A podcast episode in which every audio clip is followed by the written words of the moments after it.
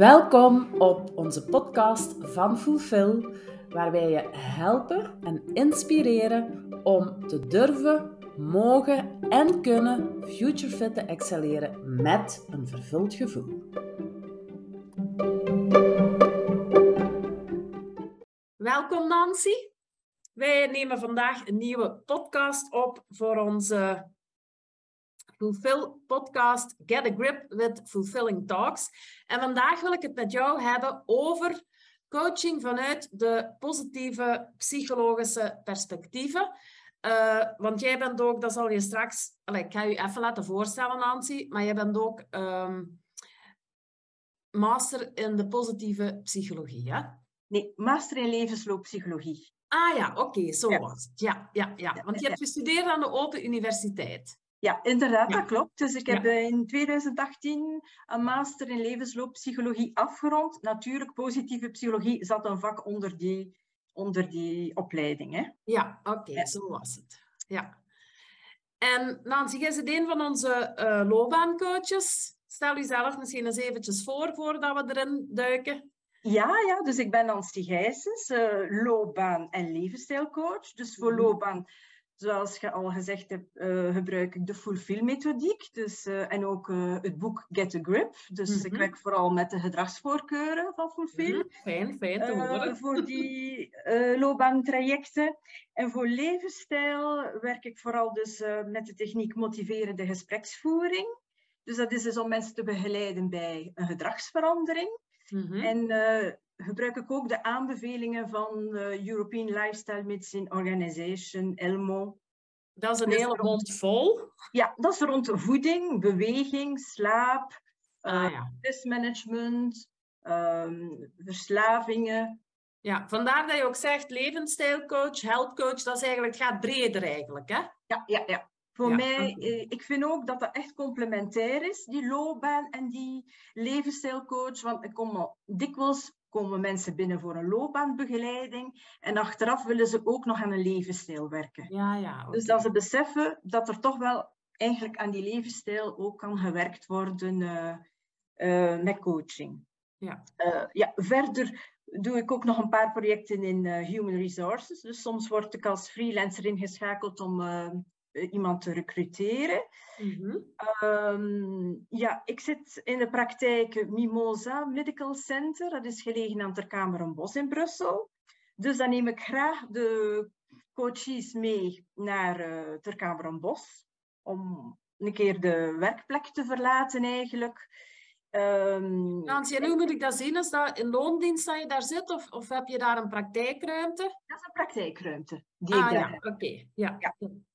Dus, van waar uh, kan je eigenlijk in het bos? Want jij zit in Brussel, hè? Ja, ik zit in Brussel, ja. ja. Ik werk eigenlijk al meer dan 25 jaar in Brussel. Dus uh, ik hou van de multiculturele hoofdstad. En uh, ik ben daar eigenlijk terechtgekomen in Brussel voor mijn eerste job in de farmaceutische sector. Mm -hmm. En ik ben er blijven hangen. Dus, ja. Zeg Nancy, en als je dan zegt Brussel multicultureel, dan denk ik ook aan andere talen. Ja, ik heb heel wat anderstaligen die bij mij komen in de praktijk. Ja. Dat klopt, ja. Oké. Okay. want loopbaancoaching is gesubsidieerd. Um, dat is enkel in Vlaanderen, maar ook voor mensen, Vlaamstaligen denk ik, die in Brussel ja. wonen en werken. Ja. Um, maar je kan natuurlijk ook loopbaancoaching of gewone coaching doen uh, zonder die checks. En dan kunnen mensen eigenlijk ook bij u terecht. Ja, inderdaad. Ja. Dan maak ik een ander traject zij genieten natuurlijk niet van die loopbaanchecks, maar ik kan een ander project uh, uitdenken voor die anderstaligen. Ah ja, oké. Okay. En voor levensstijlcoaching, ja, komen, daar komen eigenlijk wel veel buitenlanders bij mij terecht ook. Ja, ja. Um, dus um, ja, ik help ook anderstaligen met Nederlands. Sommige vragen, ik heb de vraag gekregen, want in die praktijk waar ik aanwezig ben, uh, zitten ook uh, logopedisten, kinesisten, uh, artsen. En soms krijg ik bepaalde vragen binnen, want ik ben de enige Nederlandstalige in die praktijk. En soms ah, ja. komen er specifieke vragen bij mij binnen. En onder andere van de logopedisten voor sommige kinderen te helpen met Nederlands.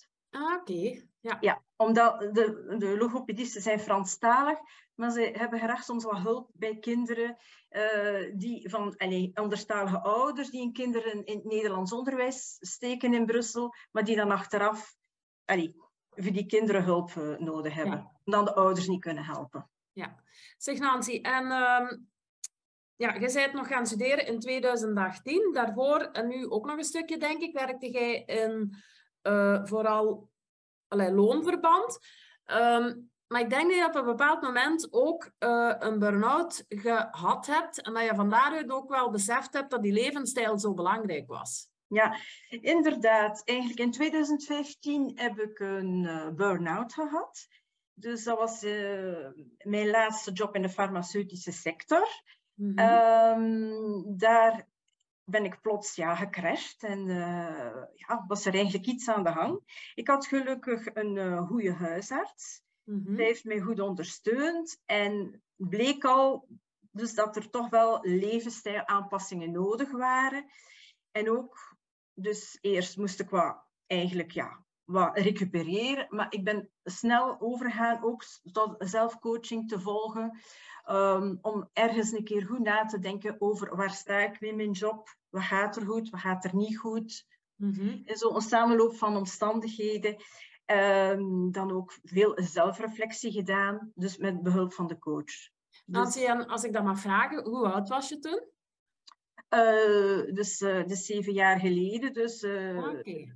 Wacht, dus dat wil zeggen 46, ja. 46, oké. Okay. En daarna zijt je dan ook nog gaan terug opnieuw studeren, hè? want die master in de levenslooppsychologie. Ja, wel, ik heb die dan. Ik was eigenlijk al bezig tijdens dat ik in de farmaceutische sector in mijn laatste job in learning en training werkzaam was, was ik eigenlijk al begonnen met uh, psychologie via afstandsonderwijs, eigenlijk open universiteit. Want mijn doel was verder te groeien in human resources in de firma. Ja. En ik dacht arbeids- en organisatiepsychologie te studeren. Ja. Maar uiteindelijk, dus door ook die coaching en mijn burn-out, is dat levenslooppsychologie geworden dat ik gekozen heb. Ja, dus je was eigenlijk al aan het denken, ik wil mij iets gaan uh, heroriënteren en mij verdiepen in, in HR, maar door eigenlijk de omstandigheden is dat nog organisch gegroeid en heb je eigenlijk helemaal gekozen voor ja, het levensstijlpad. Ja, ja, ik heb eigenlijk gekozen wat dat er eigenlijk... Ja, ik wou uh, eerder zelfstandig gaan werken. Ik wou niet meer in loonsverband werken. Gedeeltelijk wel, maar niet meer volledig. Dus en zo, door die, ja, is dat zo gegroeid. En mij, heb ik mij gefocust op, uh, op die levensloop. Ook omdat ik, ik hou echt van um, iets innovatief. En levensloop in België is minder bekend. Ja, Nederland is echt een aparte richting, uh, een heel dynamisch team trouwens. En is dat zo gegroeid, dus dat die interesse gegroeid is. Ook die positieve psychologie, die, dat vak die daaronder viel, um, ja, dat sprak mij meer aan. En ik dacht, oké, okay, ik ga Hans andere nieuwe richting in. Uh, en ik heb er zeker geen spijt van, want ik ben heel blij met die richting dat ik gekozen heb. Nancy, en die levensloop staat er dan voor, uh, ja, mensen hebben een heel enfin, levenspad en zij doorlopen daar ook verschillende fases in. Gaat dat daarover of gaat levensloop meer over um, uw levensstijl? Nee, dus eigenlijk de menselijke ontwikkeling. Um, de, de levenslooppsychologie gaat ervan uit dat dus de mens zich ontwikkelt in interactie met zijn omgeving. Ja. Dus, en doorheen de hele levensloop. Dus er zijn verschillende levensfasen. Dus van 20 tot 40 heb je jongvolwassenen, van 40 tot 60 de middelbare leeftijd. En dan van 60 tot ouderdom is dat een laatste fase. En mensen eh, hebben van alles op een, op een levenspad. Tegenslagen, uh, dan ook uh, successen. En dat maakt dus eigenlijk constant dat, dat de mens zich verder ontwikkelt. Hè? Mm -hmm, Oké. En uw levensstijl, neem ik aan, moet je dan aanpassen aan uh, je levensfase en de levensloop waar dat je in zit. Ja, er zijn wat specifieke problemen. Ik, allez, ik zal het nu een keer praktisch uh, zeggen. Jongvolwassenen, bijvoorbeeld een gezin met, met jonge kinderen. Um, dus als je dan ook nog een keer de link legt met loopbaanbegeleiding, je ziet dan ook, die jonge vrouw met die kleine kinderen heeft misschien een andere problematiek op het werk dan een vrouw die op middelbare leeftijd al zit te denken van ik ga naar mijn pensioen toe, hoe kan ik nog eigenlijk gemotiveerd aan de slag gaan werken? Mhm. Mhm. Dus zo kun je eigenlijk wel de link leggen. Ja. En uh, hier ontdek ik meteen ook al zo'n positieve invalshoek, hè, want je zegt een uh, vrouw op middelbare leeftijd wil denkt er zelf aan, hoe kan ik toch nog gemotiveerd aan de slag blijven? Omdat heel wat werkgevers uh, ja, hebben vaak het probleem van, ah, die mensen willen alleen nog maar uitbollen. Ja, ja inderdaad. Ja, ja, ja. Ja, maar in de praktijk zien we toch dat, dat, allee, dat heel veel van die mensen toch nog die nieuwsgierigheid en, en nog wel willen uh, die laatste jaren van, van hun loopbaan eigenlijk, ja, dat die zo vervullend mogelijk is. Ja, ja inderdaad. Um, en ik merk nu ook, want meer en meer krijg ik de vraag van zo'n personen die dus nog voor pensioenleeftijd en die willen nog eigenlijk gezond aan de slag blijven, want sommigen hebben uh, soms wat gezondheidsproblemen die opkomen, ja. En sommigen aanvaarden dat gemakkelijk, anderen niet. En sommigen denken dan ook al verder voor na een pensioen. Wat gaan ze doen? Ah, ja, ja. En, uh, dus, ja. dus een stukje zingeving komt daar ook wel ja, aan. Ja, ja uh, zeker, aan zeker. Ja. Ja. ja. Uh, zeg Nancy, en um, ja, je hebt dan die burn-out toen gehad. Um, ja, je, je bent snel gerecupereerd, hoorde ik je zeggen. Maar betekent dat ook dat je bijvoorbeeld toen meer, ja, minder bent gaan werken en meer tijd voor hobby's hebt genomen? Of? Of was dat ervoor eigenlijk al? Of? Nee, ik heb wel de inzichten gekregen uh, via de huisarts en ook via coaching. Um, dus dat ik eigenlijk wel wat meer tijd aan mezelf moest besteden. Wat meer zelfzorg. Mm -hmm. Ik merkte ook, dus ik woon, ik woon eigenlijk naast het ter, Terkamerenbos. Ik werk er nu ah, ja. ook wel, maar ik woon. En ik was uh, tien jaar niet in het bos geweest. En de arts, die ook dus in mijn buurt woont en werkt, zegt oei, en dus, ja, ze heeft mij het inzicht gegeven van, allez, ga in het bos wandelen. Ga nu ontspannen. Ga in de natuur gaan wandelen. Ik was ook lid van een sportclub, maar ik ging daar ook niet naartoe. Dus ja. Oh, dat, maar dat hoor ik ook van veel mensen. Ze hebben een abonnement en ze blijven dat eigenlijk maar betalen, maar ze gaan nooit. Ja, en ik heb dat nu eigenlijk helemaal eh, eh, herzien. En ik maak dus meer een onderscheid tussen werk en privé. En ik, ik zorg ervoor dus dat die privézaken in mijn agenda staan. Dus ja. dat heb ik ook geleerd via, zelf via coaching, om dat echt in te plannen. En ja. niet uit dat agenda te halen, maar er wel in te plaatsen.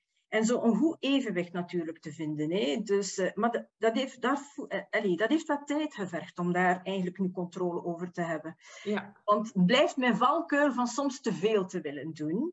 Dus mm -hmm. ik heb ook geleerd om met een stopteken te werken. Dus, uh, en ik moet soms ook nog een keer opnieuw bovenhalen, dat stopteken. Mm -hmm.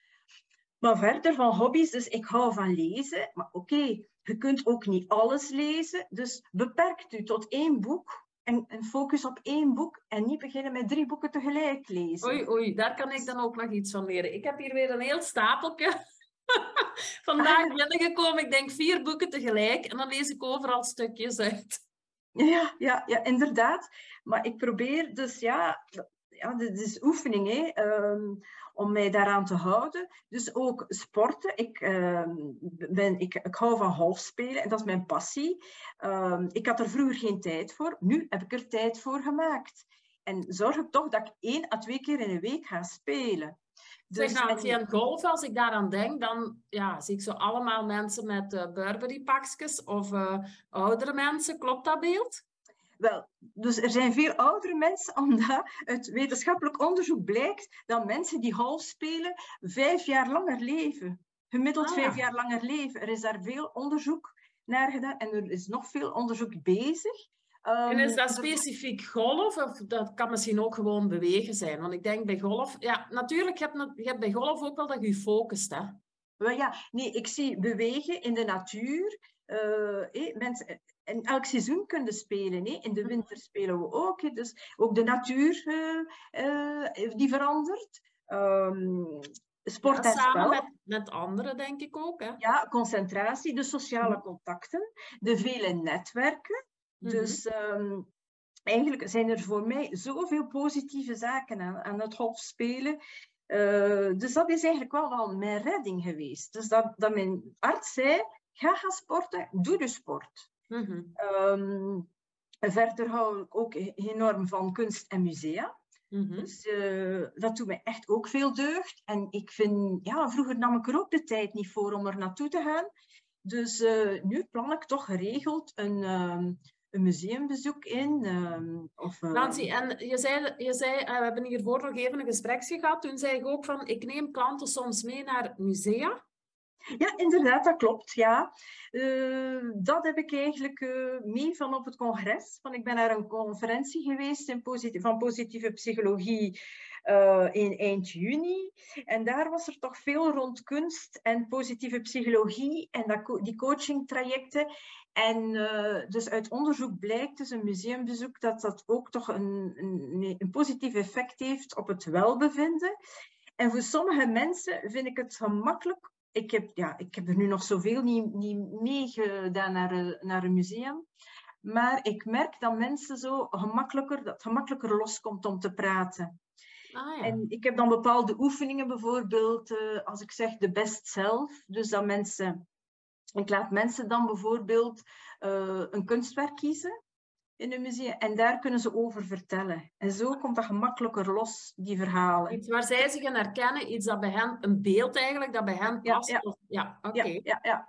Ook om zich voor te stellen, wie ben je eigenlijk? Kies, Ja. kies nu een, een beeld hier, of een schilderij, en vertelt aan de hand van dat schilderij over uzelf. Ja, oké. Ik zie, bij sommige mensen werkt dat veel beter dan gewoon, dat ze voor mij in, in, een- in een kantoor zitten en moeten vertellen, ja, ik ben eh, die en ik woon daar en in dat. Maar via dat, die beeldvorming werkt dat wel gemakkelijker. Ja, en die beeldvorming roept ook bepaalde associaties op, want zo werkt Ja, het ja. bij natuurlijk ook. En eh, ja, dat maakt dan dat er ja, dingen aan gekoppeld worden waar ze misschien anders niet aan denken. Hè. Ja. Ja, ja, ja. Eh, ja, verder ga ik ook graag met vrienden. Vrienden, dat zijn mijn krachtbronnen. Mhm. Vriendschappen worden dikwijls ehm, onderschat. Ik merk ook dat mensen veel fo- focussen op eh, amoureuze relaties. Maar vriendschappen zijn heel belangrijk. Dat zijn Ja, mijn Wat ik ook merk, is dat mensen ook ehm, hun, hun, hoe moet ik dat zeggen, vrienden en kennissen inderdaad te weinig een, een kaart hebben misschien. En dat ze ook niet goed weten bij wie kan ik waar voor terecht. Of dat die verwachtingen ook soms niet heel zuiver zitten. Dat is ook wel eentje eh, waar we vaak wel een oefening rond doen. Ja, ja, inderdaad. Dus ehm, heel belangrijk, eh, vrienden. Ook naar een concert gaan met vrienden. Mhm.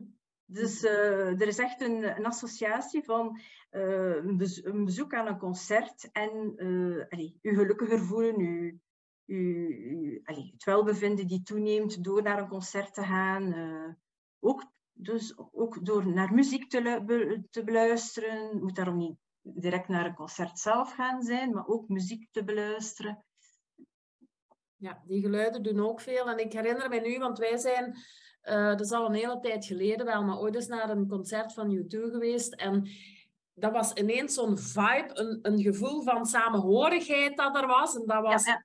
Oh, dat had een, een, enorme, een enorme impact op, op wat ik daar gewaar nam. Ik werd daar heel ontroerd door. Ja, dus muziek heeft inderdaad eh, een grote impact ook. Nu, dat is ook iets wat wij vanuit de polyvagaaltheorie meegeven aan mensen die last hebben van stress, van zelfs playlists samen, die, ehm, ja, die, die een bepaald effect op u hebben, om in een bepaalde toestand langer te blijven als dat gewenst is, of die u helpen om uit een, een toestand te geraken waar dat je eigenlijk niet wil blijven inzitten. En Ja, een ja, De een happy playlist.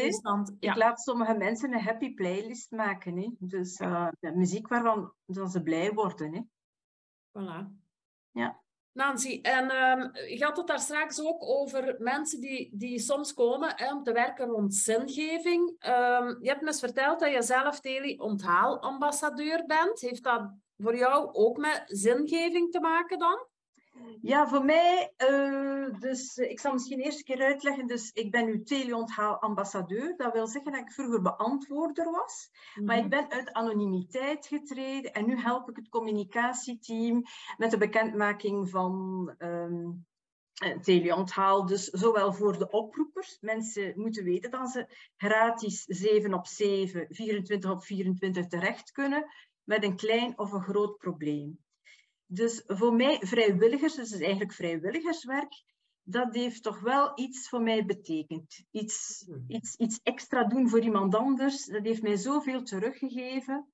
Uh, nu nog, want ik zit nu eigenlijk niet als beantwoorder, maar als eigenlijk uh, vrijwilliger, maar op een andere manier voor de um, organisatie. Uh, het heeft zoiets extra, een extra dimensie. Um, ja, Nancy, en dat teleonthaal, wie kan daar dan precies terecht? Iedereen kan daar terecht, hè? Iedereen. En je moet daar gewoon naar bellen en dat kan met eender welk probleem? Ja, de nummer 106, ja. Nummer 106 gewoon, en dat is gratis? Dat is gratis, ja. En er zijn daar ook zo wachtlijsten, want overal waar mensen psychische begeleiding willen of hulp of ze zitten met iets, dan... Uh, nee, mensen kunnen daar direct terecht. Nee, die kunnen onmiddellijk, die krijgen iemand, uh, een beantwoorder, uh, een vrijwilliger aan de lijn en die worden ver, verder geholpen. Oké, mooi. Dus uh, die, dat teleonthaal zie ik twee aspecten. Enerzijds, ja, de mensen die er terecht kunnen, dat is een, heel, een heel goed initiatief. Maar anderzijds, voor jezelf, hoor ik ook zeggen, als vrijwilliger, allee, dat, dat het vrijwillig, het het werk als vrijwilliger geeft eigenlijk ook een hele... Een heel, heel veel voldoening. Ja, ja, geeft heel veel voldoening uh, voor jezelf. En, en dat is ook wel iets dat we vaak zien uit onderzoeken. Hè? Dat ze dat ook zeggen, als je vrijwilligerswerk doen, ja. doet, dan, uh, ja, dan, dan laat je dat ook wel beter voelen. Nu, ik moet zeggen, want wij werken zelf uh, op woensdagnamiddagen bij Overleef. Ja.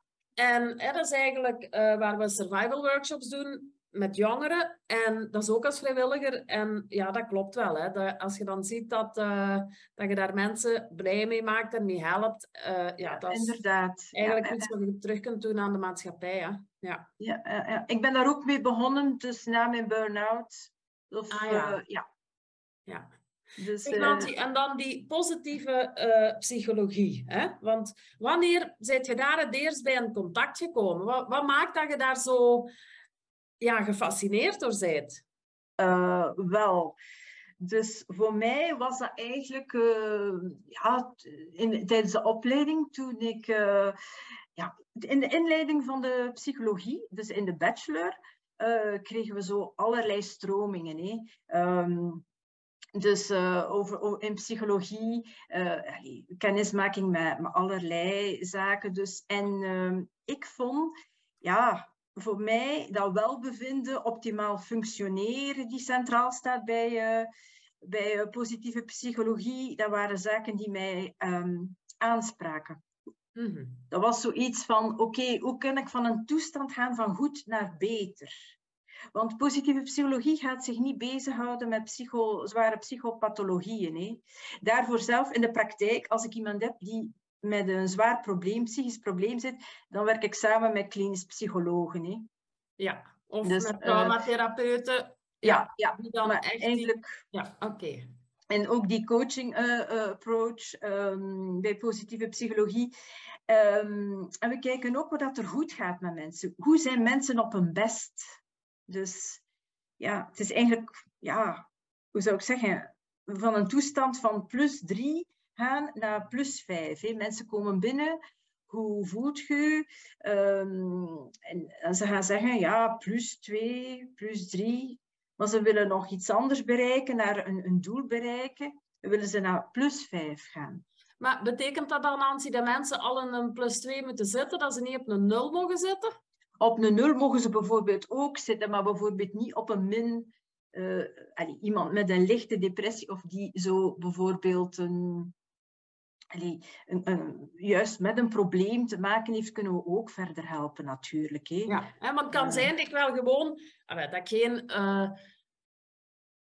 psychopathologie heb, maar dat ik mij op dit moment toch zo slecht heb, omdat er een probleem is uh, op mijn werk bijvoorbeeld, dat ik echt niet opgelost krijg, een heel ambetante leidinggevende. En als je dan vraagt aan mij, hoe voelt je je? Ja, dan zeg ik misschien ook wel, ik voel me nu min 2.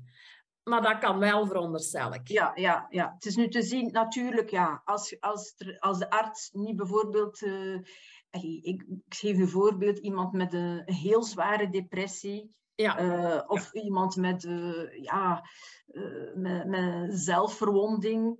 Gaan ja, misschien okay. eerst eerder die, die problemen oplossen om dan een verder stap te zetten, meer ja. naar die coaching approach. En, um, ja. En als je zegt positieve psychologie, um, wil dat dan ook zeggen dat dat je alles heel positief gaat bekijken en dat problemen een beetje vermeden worden? Nee, nee, dat, want daar ontstaat er, is er toch wel um, uh, soms een misconceptie uh, rond. Mensen denken dat, dat negatieve emoties uh, niet toegelaten mogen worden. Maar falen, problemen, tegenslagen, denk nu maar een keer in, aan, aan, de COVID-periode, ja, ja. dat hoort bij het leven, in zijn natuurlijk aspect bij het leven. Ja. Dus um, het is belangrijk om die negatieve emoties te erkennen. Uh, in de praktijk ja, komen soms mensen binnen en die zeggen mij, ja, ik moet positief zijn. Um, dat zijn dan bijvoorbeeld mensen, ja, mijn man zegt dat ik moet positiever zijn. Maar natuurlijk, als je, soms moet ook een keer naar de mensen luisteren, hè, want er is soms een probleem. Het is natuurlijk hoe dat je er naartoe kijkt. Hè. Wat, wat kan eraan gedaan worden? Maar als die persoon echt nood heeft om eerste keer allez, een verhaal te doen.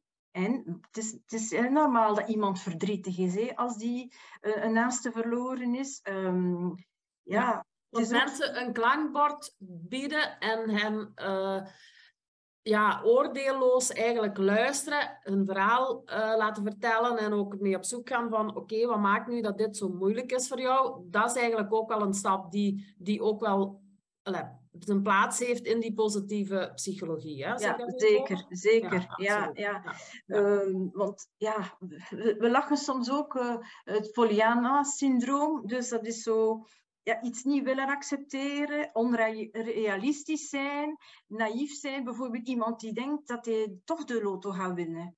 Hè? Altijd ah, maar verder spelen en, en zodanig positief. Maar de volgende keer ga ik wel winnen. Maar ondertussen... Een beetje onrealistisch optimisme, is dat dat? Ja, eigenlijk ja. Blind optimisme. Ja. Hè? Denken, ik ga toch winnen de volgende keer. Maar soms ja, is het toch een keer negatief. Hè? Want over sommige zaken hebben we geen controle. Hè?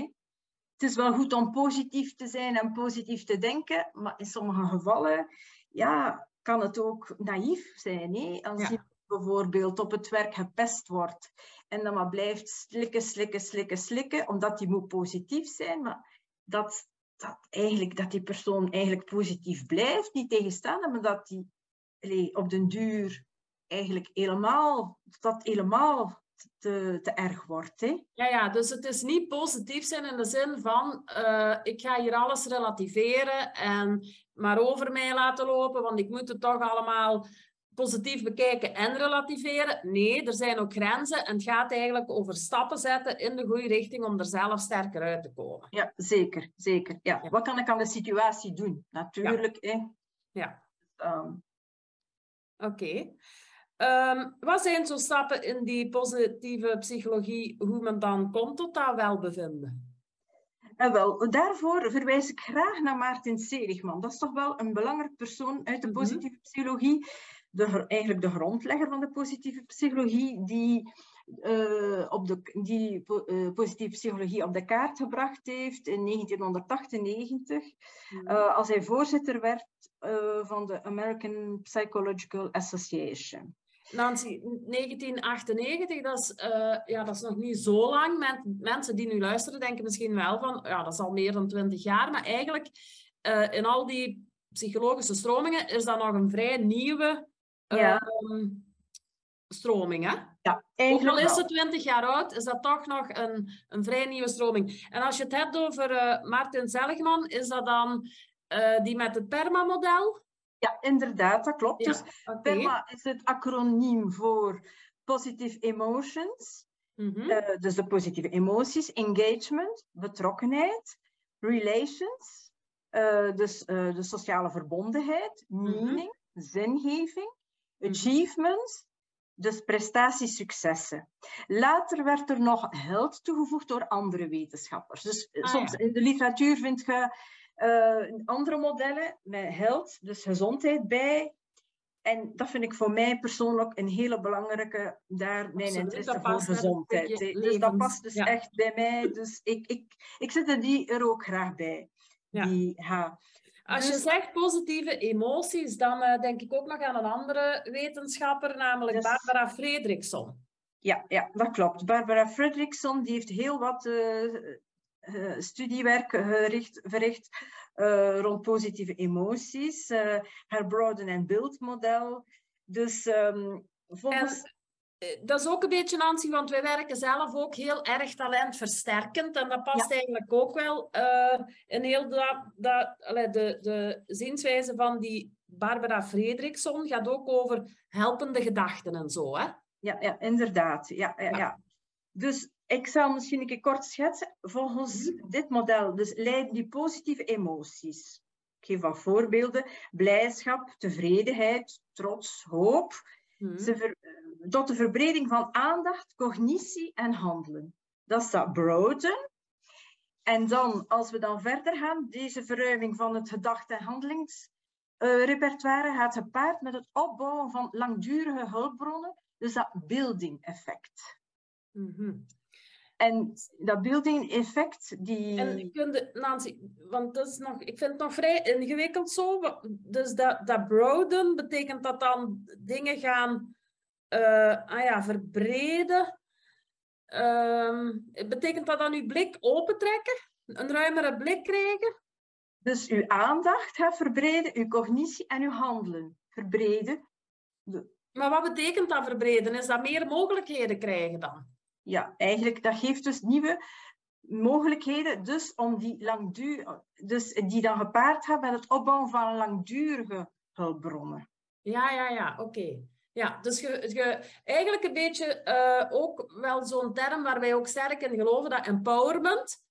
Dat we ervan uitgaan, iedereen heeft wel die krachten en hulpbronnen in zich zitten en we gaan die eigenlijk gaan aanboren, dat mensen die zelf vinden, zodat ze dan eigenlijk hun blik kunnen verruimen en dat breder kunnen gaan inzetten door ja, ehm, bredere aandacht, maar ook beter te kunnen handelen en ook dat denkvermogen dat dan beter gaat werken. Ja, ja, ja.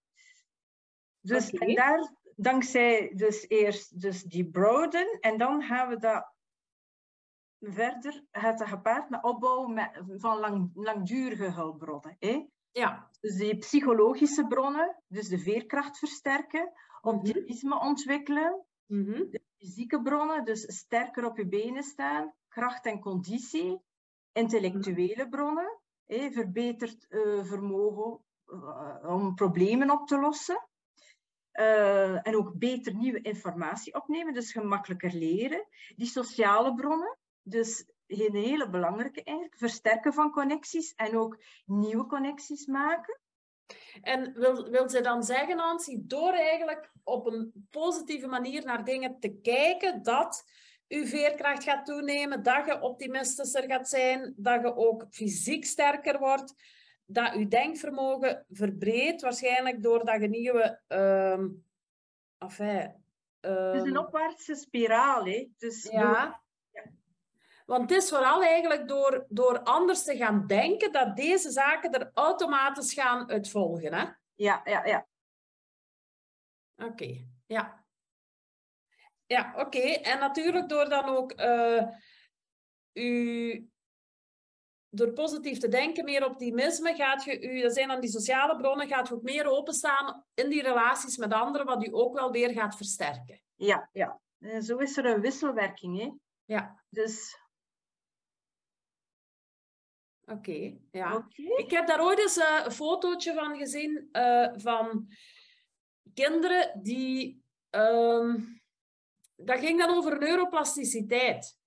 Mhm. En kinderen doen bepaalde. ehm, ervaringen op. En tegen dat zij in een puberteit komen, dan ja, hebben zij eigenlijk al heel veel neurale verbindingen gelegd. En rond een 12 jaar komt er eigenlijk een opkuismachine en die doet heel veel verbindingen die niet gebruikt worden weg. En uh, toen werd er ook gezegd dat uh, vanuit die, die um, insteek van Fredrickson, dat kinderen die al veel succesverhalen hebben meegemaakt, dus heel veel van die, ja, in een omgeving waar heel positief gekeken wordt, dat die um, andere verbindingen hebben gelegd dan kinderen die, dat, die niet in zo'n positieve omgeving opgroeien. Ja. En daar was eigenlijk wat, dus wat zelf ook naar boven kon, kwam, die mensen hadden eigenlijk al een goede, of die kinderen moet ik zeggen, hè, die pubers hadden al een goede veerkracht, stonden optimistisch in het leven, die konden zich voldoende concentreren, uh, die waren eigenlijk fysiek ook oké okay, en die hadden ook wel goede, goede uh, sociale relaties. Dus ja, daar is het eigenlijk, eigenlijk zeggen we nu, als volwassenen, kunnen dat in feite ook nog wel gaan oefenen. Ja, hè? zeker, zeker, ja. Dus In, de, in de praktijk gaan we oefenen hè, op die positieve emoties. Hè? Ja. Op, op hoop, dankbaarheidsoefening maken, uh, moed. Hè, uh, gaan we allemaal oefenen. Hè. Mm -hmm. Oké. Okay. En dan heb je nog uh, een ander stukje ook, dat engagement. Dus ja, dat is dus de tweede letter van het acroniem. dus eigenlijk de betrokkenheid. Dus ehm, waarschijnlijk heb je ook wel soms een keer dat je zo bezig bent, dat je de tijd, je weet niet, plots, plots zie je, ah, het is al, het is al twee uur later. Zodanig ja. opgeslorpt door, door je taak waar je mee bezig bent, of je sport, of iets dat je uh, aan het lezen bent of aan het leren bent. Dus Wel, ze, dat heb ik zaterdag nog aan de hand gehad, want ik was met, ik was we zijn een spel aan het ontwikkelen. Hè? Ja, ja, en ik was bezig met uh, die opdrachten nog, ja, nog wat te verbeteren. En ik dacht, ga daar een uur aan werken. En ineens, ik ben gestart om één uur en ineens keek ik op de klok en het was vijf uur. Ja, maar je zeker in flow, hè? Dus, Absoluut, ik was helemaal in flow. De persoon om, om te vermelden hierbij is uh, Michael Sixsens Mihaly. Ik weet niet ah ja, die ingewikkelde naam. Maar je gaat, wel, gaat hem wel onthouden. Die man met, met een moeilijke naam, voor ons althans. Uh, dus, uh, dus ja, die is duidelijk. Hè? Engagement dan relaties. Dus mensen zijn sociale dieren. Het is belangrijk om bij een groep te horen en verbonden te zijn met anderen. Hè? Mm -hmm, mm -hmm. Uh, Daar schrijf ik ook een heel stuk van in, in mijn boek. Hè? Die sociale ja. betrokkenheid, dat is dat eigenlijk ook. Ja, ja, dat is heel belangrijk. Ik merk ook dat er soms mensen binnenkomen die heel eenzaam zijn en die, die dus eigenlijk wel daar, daarmee ja, vastzitten. Hè. Dus, uh, ja. Het heeft niet te maken, dus als ze geen mensen kennen, maar ze vinden niet echt uh, het, het juiste netwerk of de juiste contacten waar dan ze echt terecht mee kunnen. Hè. Ja, dat, dat, dat had je dat straks ook al aangehaald, hè? Ja, en dat klopt wel, want ik heb hier ook heel wat mensen die inderdaad aangeven dat ze eenzaam zijn. En dan denk ik, god, die mensen zouden eigenlijk eens met, allemaal met elkaar in contact moeten komen. Maar in feite is dat nog niet altijd de oplossing, want die moeten ook natuurlijk gedeelde interesses en zo hebben. Hè? Nee, nee, natuurlijk. Dus ja. Uh, ja. dat is toch wel... En dat moet ook met kleine stappen gebeuren. Ja. Hè? Mensen, ja. contacten. Um, ja, ja, dat klopt. Ja, is, ja. Dus je kunt mensen ook soms niet forceren. Hè? Nee, Om, nee. Um, nu ja, en sommige mensen hebben ook minder sociale contacten nodig. Hè? Zijn eerder... Uh, want, ja, um, dat ook. Sommigen voelen zich dan ook niet niet begrepen als, als ze geforceerd worden om bij anderen te gaan. Hè? Dus ja, ja. dat is toch ook wel ja, erg... Dat is heel erg opletten, dat klopt. Ja. Iets mee, om, om mee op te letten. Um, dus uh, dan zijn we aan de volgende letter, meaning, dus uh, zingeving. Dus het hebben eigenlijk van een hoger doel. Iets, mm -hmm. Bezig zijn met iets zinvol. En dat aansluit bij, bij uw eigen waarde. Ja. Dus uh, daar is er ook een link in met de loopbaanbegeleiding, dat we mensen helpen hun waarden te ontdekken of herontdekken. Ja, want dat is een hele moeilijke. Ik, eh, was gisteravond uh, nog op Netflix iets aan het kijken en daar vroeg iemand, eigenlijk een jongere aan, ja, iemand van in de 50. Ja, vertel eens, waar staat jij voor? En die man, die man uh, stond daar met de mond vol tanden, want dat is een heel eenvoudige vraag, maar dat is heel moeilijk om dat op te antwoorden. Heel weinig mensen weten waar sta ik voor. Hè? En zo eens nadenken over, ja, wat vind ik belangrijk in het leven? Wat is voor mij zinvol? Mm -hmm. We mhm. maken heel weinig die oefeningen. Inderdaad. En ook mensen, ook het, het, is iets dat boven het materiële staat. Hè? Het, is, het heeft niet met iets materieel te maken. Hè? Vandaar dat vrijwilligerswerk, die eigenlijk niet betaald of weinig betaald is, eigenlijk soms uh, iets kan zijn die onder ja, zingeving valt. Dus omdat je echt iets doet, omdat je het graag doet uh, en dat betekenisvol is, dat eigenlijk je, je hoger doel is. Hè? Ja, want uh, ik heb ook nog... Um... Enfin, ik ben ook terug zo postgraduaat aan het volgen rond contextuele gedragstherapie. En um, waar, daar komt ACT bijvoorbeeld ook aan bod. En daar heeft men het ook wel over intrinsieke waarden en extrinsieke waarden. En omdat je nu zegt, hè, dat gaat niet over het materiële, maar zij benoemen daar uh, bijvoorbeeld status, wat ook wel materieel is. Dat kan voor mensen wel een drijfveer zijn, maar zij benoemen dat dan als een extrinsieke drijfveer. En jij benoemt eigenlijk de intrinsieke drijfveer die echt wel nog naar een diepere laag gaan. Ja, ja, ja. zeker, zeker. Ja. Dat is belangrijk om dat te vinden. En uh, natuurlijk, ja, we hebben het er al even over gehad, maar ik ben nu bezig met mijn Franstalige collega, die, die ook zo allee, mensen over de vloer heeft, die zo aan pensioenleeftijd geraken en die eigenlijk nu op zoek zijn naar iets voor na een pensioenleeftijd te doen. Mm Maar ze hebben alles. Materieel hebben ze alles. Hè. Huis is afbetaald, auto, um, misschien nog een tweede woont. Maar ze zoeken... Ik denk aan een arts bijvoorbeeld die druk bezig is.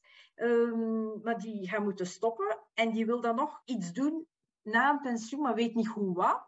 Sommige mensen zien ook een leven anders. Ze denken, ik ga voor mijn kleinkinderen uh, zorgen uh, als ik in pensioen ben. Maar uiteindelijk die kleinkinderen wonen ondertussen in het buitenland ah, ja. uh, met de ouders. Dus er is weinig contact. Dus moeten ze dus iets nieuws zoeken eigenlijk die een, een, een, een zinvol doel in het leven vinden. Ja, ja dat, doel, dat doel valt eigenlijk weg en ze moeten op, terug op zoek gaan naar wat kan een nieuw doel zijn Ja, ja. Ja, ja, buiten professioneel. Dus ik werk nu met haar aan een pakket. Want wij hebben, we denken dat we voor die doelgroep eigenlijk iets kunnen betekenen. Uh, mm -hmm. Mooi, dat kan misschien iets zijn, Nancy, uh, om ook wel te integreren binnen uh, loopbaancoaching. Ah nee, nu ben ik aan het denken, want mensen die... Als ze op pensioen zijn, hebben ze natuurlijk geen recht meer op loopbaanchecks. Is... Maar er zijn wel mensen die er al aan aan het denken zijn. Want om de zes jaar hebben mensen terug recht op loopbaanchecks. Ja, ja. En dat zou wel iets kunnen zijn in die laatste fase, dat ze eigenlijk al op voorhand nadenken, ja, wat wil ik eigenlijk nog gaan doen rond zingeving als ik, als ik stop met werken. Hè? Ja, inderdaad. Dus dat is die oefening al, uh, al wat verder zetten. Want wij merken dat sommige mensen wel goed voorbereid zijn. Hè? Maar ja. anderen hebben dan gewoon bevestiging nodig, maar anderen zitten al in, aan het panikeren. Ik zie dan ook zowel een link met active and healthy aging, hè? gezond ouder worden, ook een belangrijke. Hè? Dus, uh, want velen vallen zo echt in een zak hè? Ja. Na, na een pensioen. En, en, en, krijgen dan bepaalde problemen, gezondheidsproblemen. En uh, het loopt, ja, ze lopen dan wel vast. En uh, ja, we denken allez, om een pakket vast, uh, samen te stellen voor deze groep. Dan hebben we um, achievements. Dus, ehm, ja, ik ga nog even zeggen voor de luisteraars, want we zijn nog altijd eh, het PERMA-model aan het uitleggen. Ja van uh, Maarten Seligman. Dat gaat over de positieve psychologie. En we zitten nu dus aan de laatste letter van de PERMA.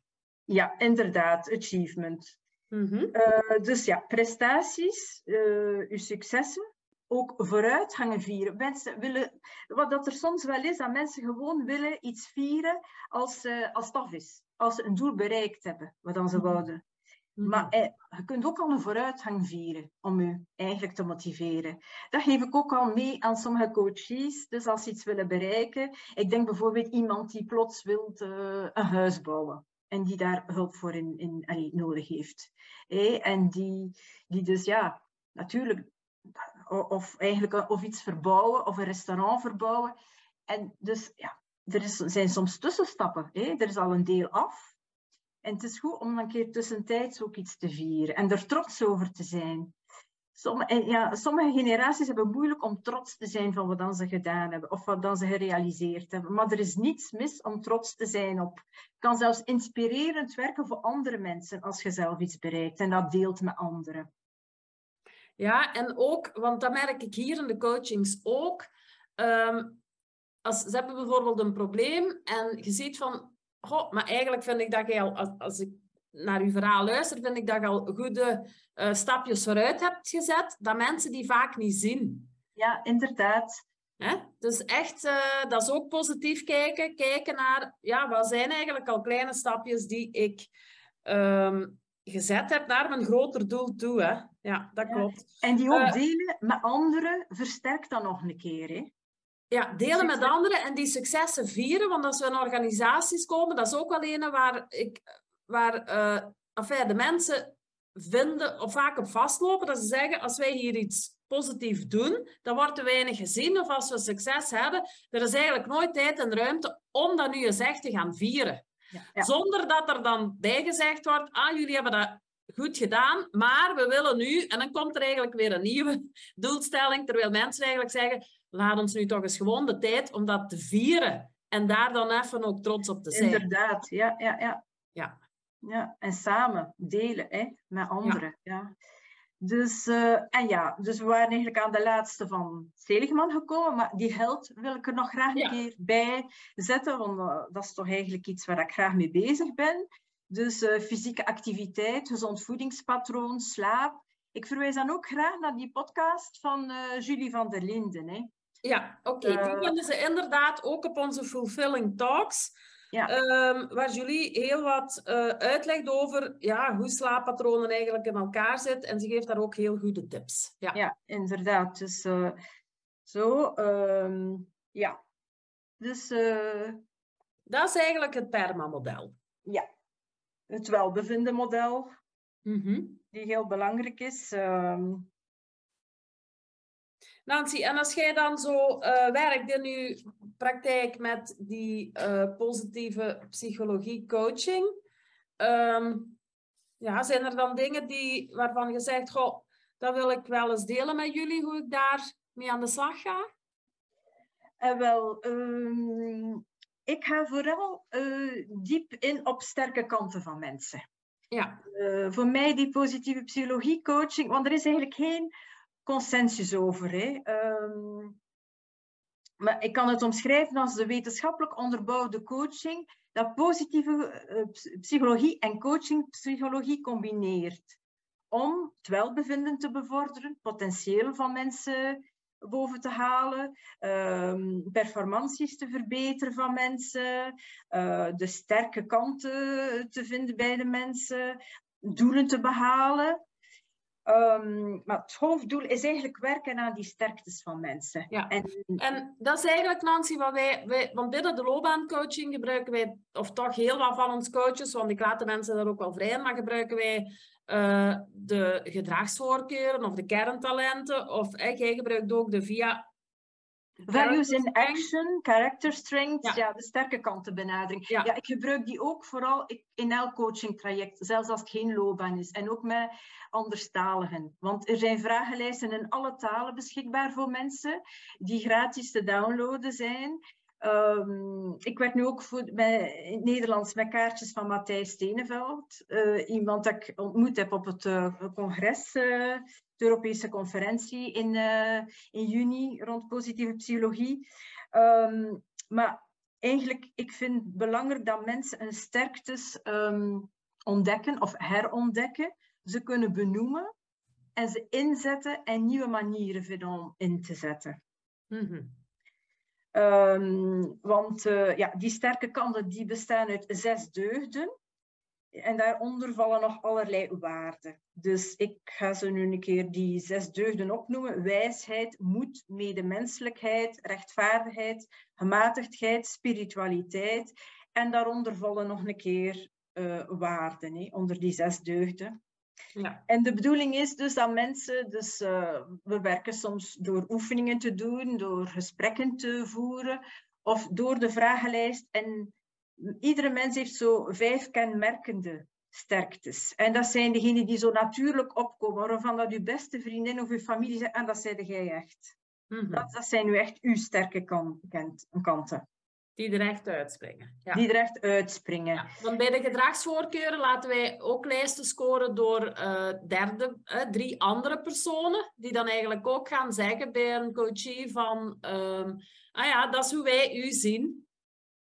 Ja, ja, ja, en, daar, hè, en daar zeg je eigenlijk, uh, ja, dat zijn meestal vijf dingen die, die dan toch wel uh, die mensen gaan oppikken die altijd een beetje terugkomen. Ja, ja, ja. ja. Dus uh, ja, heel wat onderzoek rond gedaan rond die methodiek. Um, de voordelen van die inzet van die sterke kanten zijn dus dat het geluk gaat toenemen. Mensen gaan zich zelfzekerder voelen, um, energieker voelen, meer vitaliteit, minder stress, meer veerkracht en meer kans om doelen te bereiken. Mm -hmm. En ook beter presteren en een betere betrokkenheid bij wat dat uitvoert. Ja, dus meer engagement ook. Dus voor bedrijven is dat inderdaad ook belangrijk. Als mensen worden ingezet op hun sterke kanten, ja, dan gaan ze ook meer geëngageerd zijn en gaan ze beter presteren. Hè?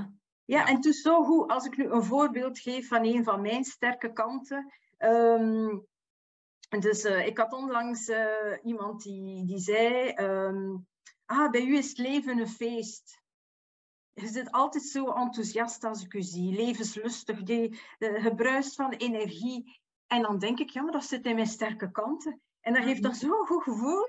En ja, en je denkt daaraan terug. En natuurlijk, ja, hup. Dus het was een plezante dag en je, grijpt daarna terug naar die herinnering van die persoon die, dat tegen u zegt. Um, creativiteit zit er ook in, dus dan denk ik, hoe kan ik dat nu oplossen? Want creativiteit gaat nu niet enkel om, mooie, mooie tekeningen te maken of kunstwerken te maken, maar gaat ook om problemen op te lossen. En dan denk ik, ja, zit, ik ga wel een oplossing vinden, want dat zit in mijn sterke kanten. Dat zit ah, ja, in, Mijn ken, in mijn kenmerkende sterke kanten. Dus de oplossing gaat komen.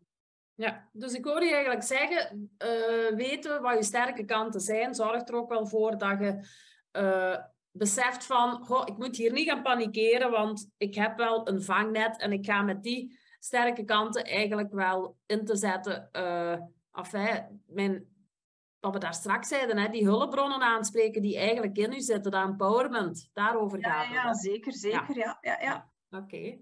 Nee, zeg Nancy, vind... en, uh, ik ontdek eigenlijk ook nog een andere uh, kracht in u ik denk uh, nieuwsgierigheid. Hè, want het is toch ook wel nieuwsgierigheid dat ervoor gezorgd heeft dat jij uh, terug bent gaan studeren. Maar ook wel dat jij naar die conferentie bent geweest over positieve psychologie. Want dat was in IJsland, als ik dat goed begrepen heb. Ja, ja, ja.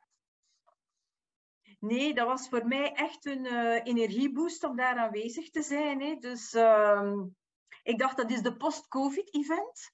Uh, Want ik was lang niet meer naar een congres geweest of naar een lezing. Uh, maar bleek dan wel achteraf, toen dat ik thuis kwam van het congres, dat ik wel COVID had. Hè. Dus, nu, ik, ik, neem het, ik neem het er gerust bij. Dus, ja. want uh, het, het, was zo fantastisch, een fantastische ervaring om met die gelijkgestemden aanwezig te zijn. Heel wat netwerking. Er waren 700 wetenschappers en coaches aanwezig van, uh, van 30 verschillende landen het was ook heel fijn om um, dus, um, de prof en assistenten van de Open Universiteit terug te zien. Uh, Nele Jacobs, de hoogleraar en vakgroepvoorzitter. Uh, Johan Lataster, van wie dat ik eigenlijk positieve psychologie gekregen heb, de hoofddocent. Dus uh, er waren ook veel gezondheidspsychologen uh, aanwezig. Dus uh, het was eigenlijk echt voor mij ja, weer een feest eigenlijk, hè? Ja, om daar aanwezig te zijn. Hè? Zeg, en hoe lang ehm, duurde dat congres dan? En toch een paar dagen. Dus, eh, maar ik was ook gestart met een pre-workshop.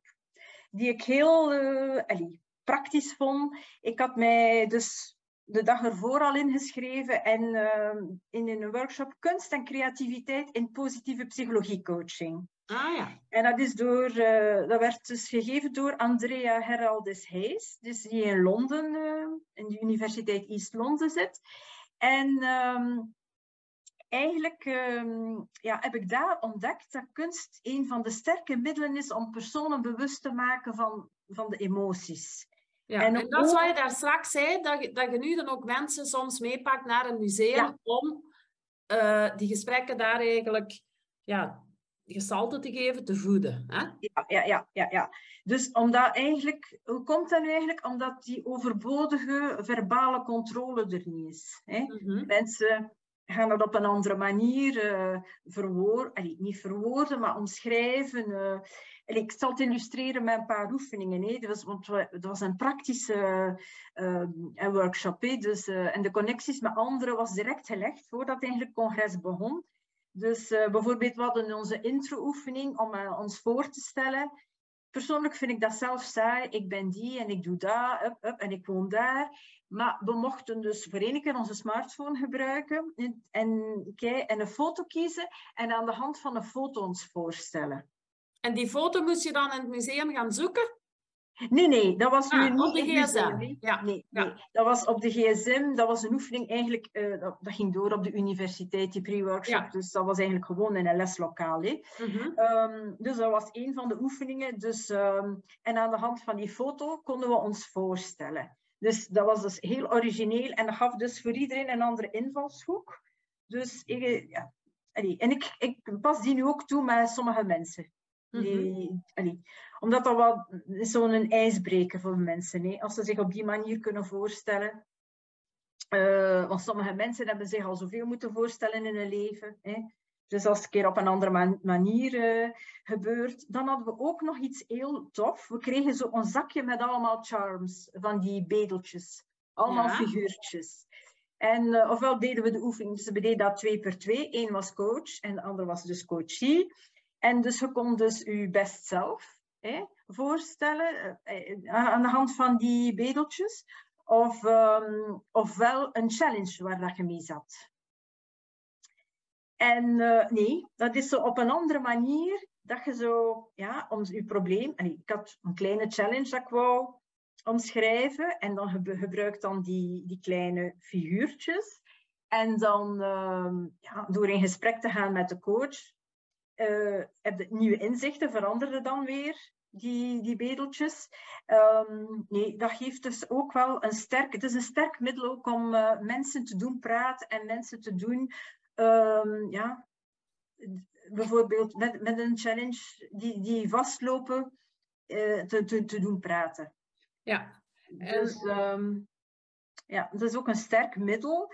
Um, ja, en daar, ja, omdat we volledig in kunst en muziek en dans bezig waren, daar heb ik eigenlijk het idee gehaald van mensen mee te nemen naar een museum. Ja. Zeg Nancy, en ik kan me voorstellen dat er toch ook mensen zijn die echt niks hebben met kunst? Oh, inderdaad. Uh, dus, uh, maar toch zijn ze geïnteresseerd, toch even om... Ja, ik ga dat niet bij iedereen toepassen. Hè. Nee. Uh, als ik voel dat dat niet werkt, ehm, ja, dan doe ik iets anders. Hè. Ja, ja, want dat is met al die methodieken zo. Het is ook wel wat zien van, past dit met, met, enfin, met uzelf als coach, maar ook met, met uw cliënten. Ja. ja, ja, want ik werk graag cliëntgericht. Ik kijk toch wel naar de mens ook een uh, gepersonaliseerd traject, want niet iedereen is hetzelfde. Hè? Iedereen heeft uh, opleiding, uh, heeft interesses. het is ook zo wat aanvoelen, wat werkt, wat werkt niet. niets moet. Hè? Mm -hmm. Oké. Okay. Dus die kunst, dat was eigenlijk vooral ehm, ja, een, een, een nieuwe invalshoek eigenlijk die je daar... Uh... Ja, voor mij is dat nu echt iets dat ik zeg. Ja. Dat is iets dat nieuws dat ik meepak en dat ik nu direct gebruik. Ja. Ja, verder, ja, op het congres zelf waren er heel wat rockstars van de positieve psychologie aanwezig. Um, Richard Ryan was aanwezig, u waarschijnlijk ook wel bekend, want uh, van Ryan en Deji. Ah ja, ja, determinatietheorie. Ja, absoluut, absoluut. Verwijst er naar in uw boek. Die heb ik deze week nog uitgelegd. Ah, de motivatietheorie. Dus uh, hij heeft dus uh, een mooie presentatie gedaan rond uh, intrinsieke, extra, extrinsieke motivatie. Mm -hmm. Dus ja, ik verwijs misschien naar uw boek voor meer info rond ja, en wat ook wel interessant is bij uh, Ryan en DC is dat, dat zij zeggen van um, iets wat zelfs opgelegd is, kan toch nog motiveren. Hè? Dus iets kan extrinsiek zijn en het kan toch nog motiveren als het helemaal overeenkomt met je waardepatroon of als je er echt ook het gevoel van hebt van ja, maar uh, ik zie ook wel echt daar het belang van in. Dan kan het die eigenlijk toch nog motiveren. en ze noemen dat dan de autonome motivatie. Ja, ja, ja. Ja, dat vind ik eigenlijk daar ook wel, uh, ja, toch wel een hele interessant en ook voor organisaties om dat mee te pakken. Ja, ja en ook uh, met een link, uh, er, was, want er zijn heel wat clinical, uh, klinische studies lopende, de zelfdeterminatietheorie en de fysieke gezondheid, die toegepast wordt op gezondheid. Ah, ja. Okay. Dus ja, was misschien te veel om daar dieper op in te gaan. maar dat is ja. wel heel boeiend en ja, en eigenlijk ja, de conclusie was zelfdeterminatietheorie is positieve psychologie. Dus de Aha, oké. Ehm, verder was... Dus eigenlijk, eigenlijk, Nancy, doen we dan misschien al meer uh, positieve psychologie dan, dan we denken. Hè? Want als je dat hier allemaal opnoemt, gelijk Frederickson gebruik ik veel van. Um, ja, Ryan en DC eigenlijk ook. Dus want soms weten we niet goed, ja, wat is nu die koepel van, dat, van die positieve psychologie? Hè? Er zijn allemaal verschillende modellen die er eigenlijk onder zitten. Ja, er zijn zoveel wetenschappelijke modellen. Ja. Hè? Ja. En zoveel wetenschappelijk onderzoek nog bezig en met de verschillende toepassingen. Um, ja, wat ik ook heel be, uh, verhelderend vond tijdens een, een, lezing van professor Meike Bartels, met als eigenlijk bevinding, een belangrijke bevinding, dat welbevinden een complex fenotype is. Dus eigenlijk de verzameling van kenmerken, de waarneembare kenmerken. Hè. Dus die beïnvloed door genen en milieu. Dus zowel genen en omgeving zijn beiden belangrijk en elke persoon is uniek. Voor mij was dat Bedoelt nog... ze daar dan bij dat, dat er een stuk aangeboren is en een stuk uh, door de opvoeding of, of de omgeving door de omgeving, hè? Ja, ja. omgeving. Hè? Dus, Heel eh, veel, ja, want dat kom ik nu ook tegen in, in, dat, in dat postgraduaat wat ik opnieuw aan het volgen ben, waar men eigenlijk zegt, uh, dat is Yvonne Barnes, dat is eigenlijk een, een Ierse dame die, die dat geeft, die zegt alles is, alles is gedrag en alles wordt bepaald door context. Mm -hmm. Ja, ja, ja. Context is heel belangrijk. Hè. Uh, de, genen zijn belangrijk, maar ook allee, milieu, hè. heel ja. belangrijk. Hè. Ja. Dus, en elke en persoon is uniek. Dat uw omgeving eigenlijk uh, al een stuk... Hè, want je kunt zeggen, ja, ik, ik word geboren ook al met een aantal uh, kenmerken. Maar... Um, hoe moet ik dat zeggen? In de baarmoeder eigenlijk word je ook al beïnvloed door omstandigheden van buitenaf. Hè. Als je bijvoorbeeld, uh, als, als, als, als, als de moeder bijvoorbeeld een heel stressvolle situatie ja, zit, maar dat zijn ook al omgevingsfactoren die eigenlijk gaan beïnvloeden. Hè. Ja, ja, ja. En dus eigenlijk, ja, elke persoon is uniek. Ja. Dat heb ik dan ook meegenomen. Voor mij zijn gepersonaliseerde coachingtrajecten belangrijk. Ja, ja. Absoluut. Het is niet van copy-paste. Die, ik heb een coachie gezien, ik ga die kopiëren naar een andere. Nee, echt alles mooi in kaart brengen. Ja, dus, en dat is uh, misschien ook wel de reden waarom dat wij als uh, coachen en therapeuten eigenlijk, want dat ziet je vaak, hè, dat dan een doelgroep is die heel veel opleidingen volgen. Uh, omdat ja, dat blijft, dat, het onderzoek blijft altijd in beweging. Dus je moet eigenlijk ook wel zorgen dat je op de hoogte blijft van die nieuwste inzichten. Gelijk ja, ja. je ook weer naar die conferentie bent geweest. Dus dat rugzakje wordt gevuld. En eigenlijk ga je dan zien van ja, als de cliënt uh, hier voor mij zit, wie is dat? Wie is die zijn mhm. identiteit? En passend daarmee, wat ga ik uit mijn rugzakje halen? Ja, ja, ja. En dat is juist fijn om dat te doen. Ja. ja. En het is niet altijd hetzelfde. Dus het werk is ook gevarieerd als coach. Ja, ja, absoluut. Met die persoon ga ik naar een museum. Met, dan, met die persoon ga ik naar, ga ik naar Ter Kamer een Bos de coaching doen. En ja. die persoon moet ik toch wel, want die is heel secuur, mm, die ga ik wel ja, die, die moet ik uh, voor mij hebben, face-to-face, aan, een, aan een kantoor. Uh, nee, en dat maakt het werk boeiend ook. Zowel mm -hmm. voor, ja, en we leren ook van onze coaches, hè, door dat te doen. Um, ja, verder waren er ook een groot aantal parallelsessies uh, die doorgingen. Een groot aanbod, zelfs positieve psychologie en onderwijs, technologie, Um, dan de werkvloer. Hè, um, je had u eigenlijk moeten klonen aanzien om alles te kunnen volgen. Ja, dat was echt, waar ga ik nu naartoe? Oh, ik wil naar daar en naar daar. Dus een luxe probleem was dat. Ja. Ik kon niet ja. kiezen. Ja. En vooral, ik ben zelf generalist. Ik ben in veel zaken geïnteresseerd. En ja, ik had af en toe wat moeite. Dus moest ik mijn stopteken Keuzestress. bovenhalen. Nee, nu. En, en soms moest ik, want dat was eigenlijk van 's morgens en we begonnen van 8 uur 30 tot 5 uur 's avonds. En ehm, dus ja, dat was in continu. Maar nu was het eventjes te veel info. Ah, ik ga een break, ik ga wat gaan wandelen. Dus ehm, ja, dus maar eigenlijk viel mijn keuze meestal op positieve gezondheid. Dus Mhm. de positieve psychologie die ingezet wordt, die interventies met eh, bijvoorbeeld, ik ben naar iets gaan luisteren, ehm, iemand een PhD rond eh, positieve psychologie interventies die ingezet worden bij diabetespatiënten. Ehm, en dan wat dan de bevindingen daarvan waren. Ehm, natuurlijk, ja, er moet nog veel nog meer eh, onderzoek gedaan worden. Maar eigenlijk die dankbaarheid is eigenlijk, wordt eigenlijk geassocieerd met een betere va- cardiovasculaire gezondheid. Ah, en het- dankbaarheid. de dankbaarheid bedoelt je dan... eh, de dankbaarheidsoefening. Hè? Dus, Ja, ja, eh, ja. ja, dankbaarheidsoefeningen. Ook een beter Ook kwaliteit zelfcompassie en zo, die dingen dan. Ja, ja. Oké. Dus ja, dat was iedere keer telkens, eh, ja, het ging vanaf van, van bepaalde studies. Ja, al die details heb ik natuurlijk niet onthouden, maar ehm, bijvoorbeeld eh, die ene werkte dan ook met de best self in een bepaalde setting. Ehm, En de best Eh. zelf, want ik denk niet dat de mensen die luisteren weten wat dat is. Kunt je dat even uitleggen? eh, de best self, dus ik zou het uitleggen. Dus eh, wanneer voelt je op je best en dus teruggaan naar een ervaring waar dat je eigenlijk, ehm, waar dat je zegt, alles was nu eigenlijk, ik voelde mij goed, ik had veel energie. Ja, de beste periode uit mijn, uit mijn carrière bijvoorbeeld. Ja, ja.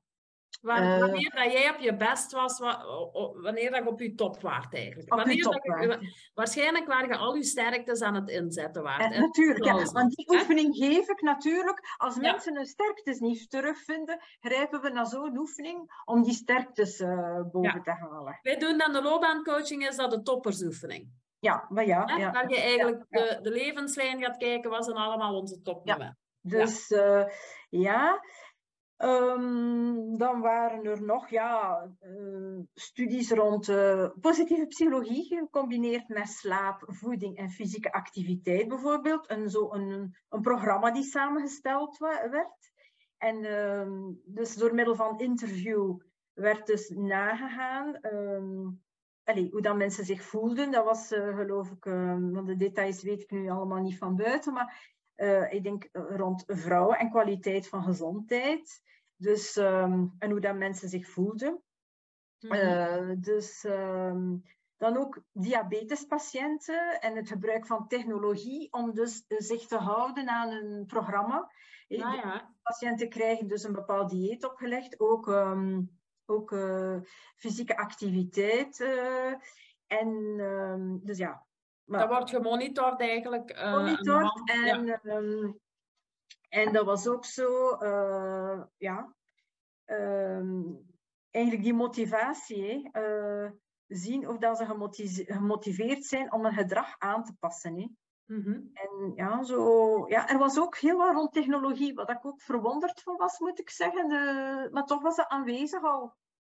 En dat er toch al tools bestaan. eh, en veel mensen die wilden nieuwe dingen ontwikkelen voor patiënten.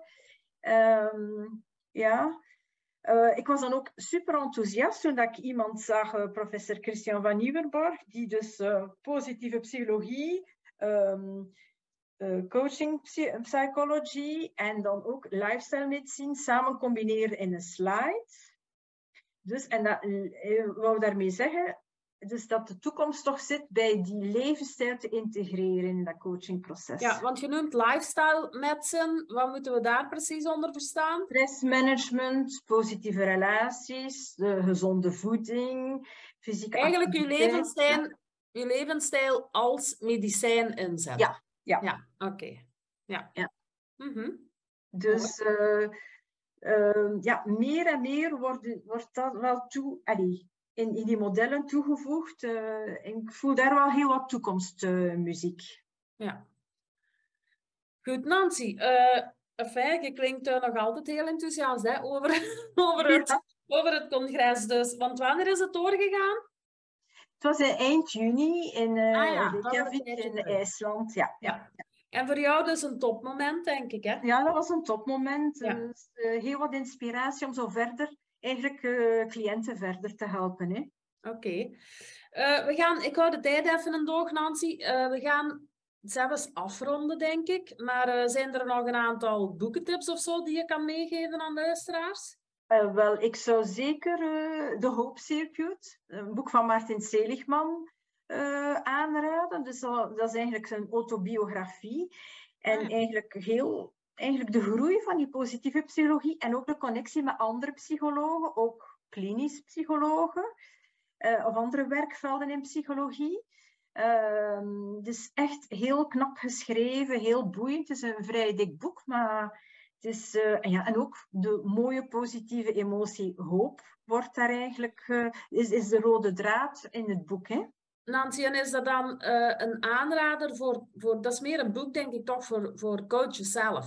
Niet voor... eh, Ah, ja, maar ik zou toch, ja, het is vrij toegankelijk voor iedereen, maar inderdaad, misschien toch wel mensen die, die wetenschappelijk fel geïnteresseerd zijn. Ja, ja. Ja, dat gaat ook anders, over de- anders zit er toch wel een verhaal in, maar misschien ja, voor mensen die niet echt, eh, ja, ja. Maar dan zou ik wel een ander boek aanraden, Happy Together. Mhm. ook van positieve psychologie, dus door eh, meneer en mevrouw Pawelski. Ik ben die ook tegengekomen op het congres. Ehm, zij eh, werken rond relaties. Dus, ehm, en het is een theorie, gecombineerd met de praktijk. Eh, er zijn heel wat praktijkoefeningen en er zitten ook verhalen tussen van relaties En- en, zo omschrijvingen. En relaties, is dat dan partnerrelatie of is dat ook vrienden? Alle relaties, Ja, het collega's? zijn wel vooral partnerrelaties, maar zowel eigenlijk, je kunt er ook, eh, zelfs ik, voor singles is het ook een aangenaam boek om te lezen.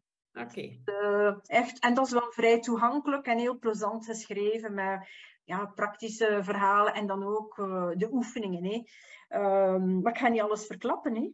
Nee, nee. En, ehm, en dan het topboek voor mij is ehm, Creating the World We Want to Live In. Dat is dus geschreven dus in het kader van het congres eigenlijk, van verschillende wetenschappers, als misschien ja, mm, wetenschappers ja, of andere mensen. Want er is heel, en is, eigenlijk de ondertitel is, wat is er nodig voor een florerende maatschappij? Dus die is positieve psychologie, die eigenlijk heel breed gaat. Hè? Ah ja. Van werkplek tot scholen, tot openbare ruimtes, tot op economievlak. Dus zelfs economen kunnen er iets uithalen. Er zijn heel wat reflecties ehm, en veel call to actions. Het is Ja. ook heel ehm, actueel. Hè? Covid is erin verwerkt, ehm, klimaatverandering. Dus het is eigenlijk heel eh, ja, vernieuwend ook. ehm. Maar het is eigenlijk een maatschappelijk gericht boek. Hè? Het gaat, ja, gaat- ja, eigenlijk een florerende maatschappij. Dus eigenlijk eh, ja, met de topwetenschappers van, eh, van het congres. Ja, ik weet inderdaad, we zouden moeten kunnen afronden. Maar ik kan blijven verder babbelen, van, eh, omdat ik zo enthousiast ben. Misschien nog een laatste vraag. Nog één tip. Wel, die- ik zou eigenlijk de drie goede dingen oefening van eh Maarten Seligman aan iedereen aanraden. Ik geef dat aan al mijn coaches mee. Zelf Mhm. doe ik die oefening al meer dan vijf jaar. Ik begon dat s'avonds gewoon op te schrijven. de drie goede dingen van de dag waarvan dat ik blij was. En ehm, ik deed dat op een, op een boekje, s'avonds voor het slapen gaan. Maar uit onderzoek blijkt dat je dat op ieder moment van de dag nu kunt doen. Mhm. Eh, ik stel dat nu in om zeven uur s'avonds en iedere dag schrijf ik ehm, eh, wat dat er voor mij dus de drie goede dingen waren. En zijn daar regeltjes rond, Nancy? Want als ik die oefening meegeef aan cliënten, dan, dan eh, zeggen die soms... Ah, ik eh, ben blij dat ik zoveel vinkjes heb afgecheckt van mijn to-do-lijst. Ah, nou, die to-do-list, ja, dat is nog wat iets anders. Hè. Natuurlijk, dat is voor iedereen persoonlijk, hè, in die drie goede dingen. Eh, Maar dat mag wel zoiets zijn. Dat mag zoiets zijn, zeker, zeker. Maar in verband met die to-do-list zou ik toch ook wel een andere tip meegeven van daar niet zo te, op te focussen. Ik heb die van Sue Langley. Zij spreekt van een tada-list. Zij, zij met haar accent, Australisch accent, zegt dat natuurlijk veel beter dan mij. Maar dat wil zeggen een lijst maken met dingen die plezant zijn voor u. Dus uh, dat kan zijn een bad nemen, um, die jurk gaan halen in de winkel waar je al zo lang van droomt. Dat je ook zo'n lijst hebt en niet ah, ja, die to-do-list hebt en alles afvinkt en dat is nu gedaan en dat. Nee, een tada-list. Anders zou ik zeggen, never give up. Eigenlijk, iedere dag is een avontuur. Als je open staat, elke dag zijn er nieuwe opportuniteiten. Maar ja, je moet ook buiten komen en connecties maken. Ja, inderdaad. Dat is een hele belangrijke. Dankjewel Nancy voor deze afsluitende tips. We gaan uh, de podcast hiermee afsluiten en ik denk dat heel wat mensen geïnspireerd zijn door de positieve psychologie. Heel erg bedankt ook Nancy dat jij jouw kennis erover wou delen en ook jouw um, recente kennis die je zelf hebt opgedaan uh, tijdens het congres. Um, ik hoop dat iedereen uh, een of andere tip kan meenemen, want ik ben er zeker van dat positieve psychologie ons leven veel mooier kan maken.